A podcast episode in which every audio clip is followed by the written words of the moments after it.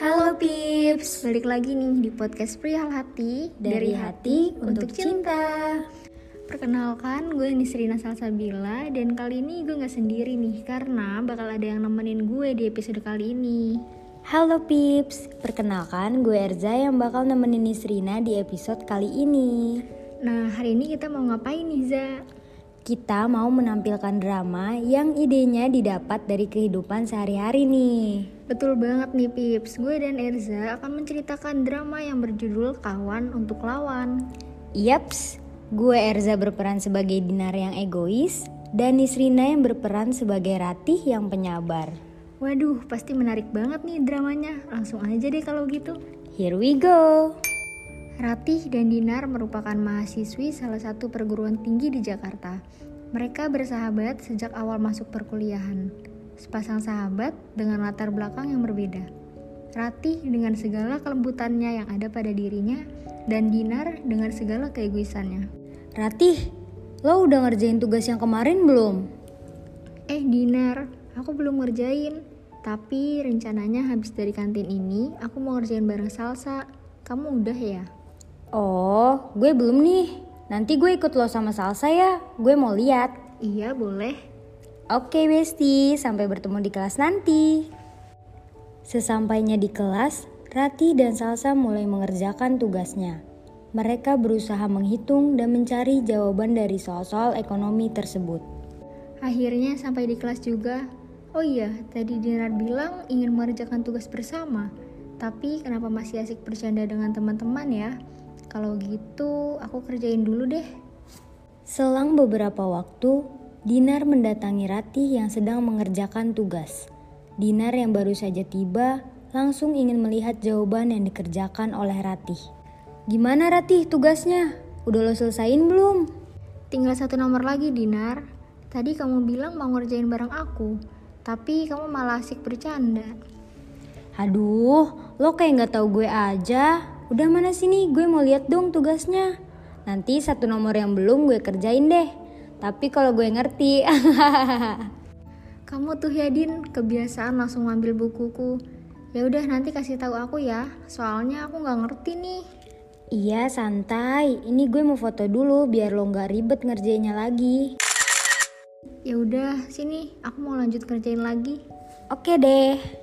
Setelah semua kelas berakhir, Ratih dan Salsa masih belum bisa menyelesaikan tugas ekonomi yang sangat sulit ini.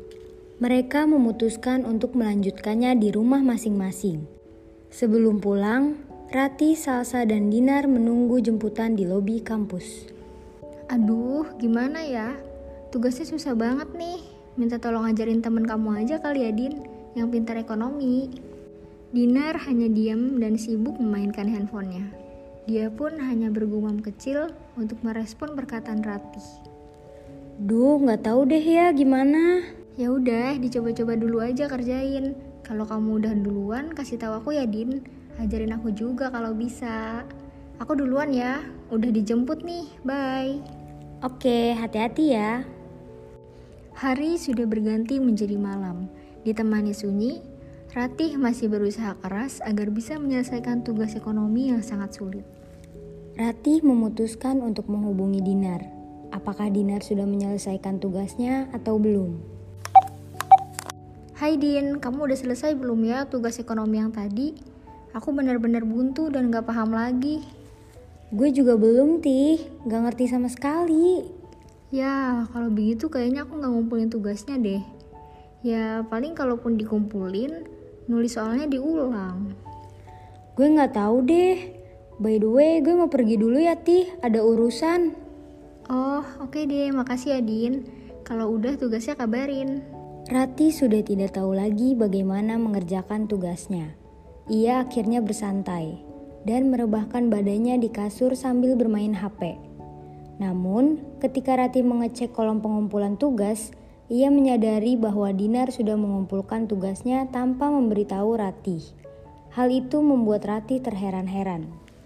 Loh, kok Dinar udah ngumpulin tugasnya aja ya? Katanya tadi dia belum selesai. Coba besok ku tanyakan langsung aja deh.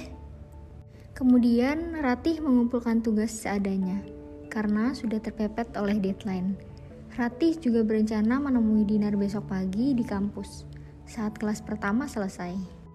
Dinar, Iya, ada apa, Tih? itu aku mau nanya. Kok kamu semalam sudah mengumpulkan tugas diam-diam begitu tanpa info dan ngasih kabar ke aku?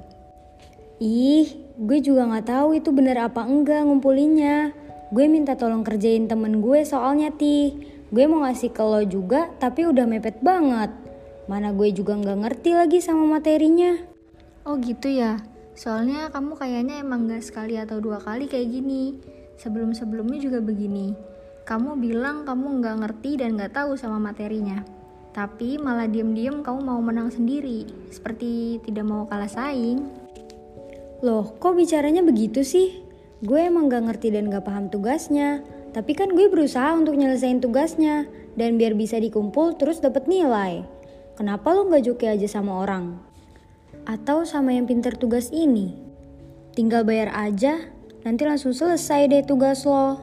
Ya urusan joki gitu mah terserah kamu aja Din. Yang penting aku sama Salsa sih berusaha ngerjain sendiri. Biar ngerti dan biar paham juga. Daripada instan langsung jadi tapi nggak ngerti apa-apa. Ya udah, kan yang penting selesai. Ribet amat. Iya aku juga ngerasanya kamu kayak nggak mau dikalahin sama aku dan Salsa. Aku akhir-akhir ini merhatiin aja sikap kamu dari awal kita masuk kuliah sampai saat ini tuh beda banget. Takut kalah saing dan gak mau kalah gitu. Ya kalau lo ngerasa gitu silahkan. Mau tetap temenan ayo, enggak juga nggak apa-apa. Gak usah ribet deh jadi orang. Aku cuman bilang gitu aja Din, aku harap kamu ngerti. Ratih lalu berjalan ke kelas dengan perasaan yang campur aduk, kesal, marah, sedih, dan tidak tahu harus bersikap seperti apa. Ratih merasa bahwa Dinar adalah orang yang sangat kompetitif dan tidak mau kalah saing. Setiap perbuatan Dinar mencirikan seolah-olah Dinar ingin selalu menjadi nomor satu dan melakukan perbuatan curang demi mendapatkan apa yang dia inginkan. Tamat. Nah Pips, itu tadi drama yang gue dan Erza ceritain. Gimana nih, seru nggak Pips? Seru dong pastinya. Jadi, pesan moral yang bisa kita ambil dari drama ini adalah kita tidak boleh memiliki sifat egois yang dapat merugikan orang lain. Selain itu, kita juga tidak boleh membalas kejahatan orang yang dilakukan kepada kita. Betul banget, karena sifat egois yang terlalu tinggi juga nggak bagus loh, Pips. Jangan ditiru ya. Kalau gitu, gue Nisrina dan Erza pamit undur diri. Pantengin terus podcast Perial Hati untuk pembahasan menarik lainnya. Karena hanya di podcast Perial Hati, dari, hati untuk cinta. See you.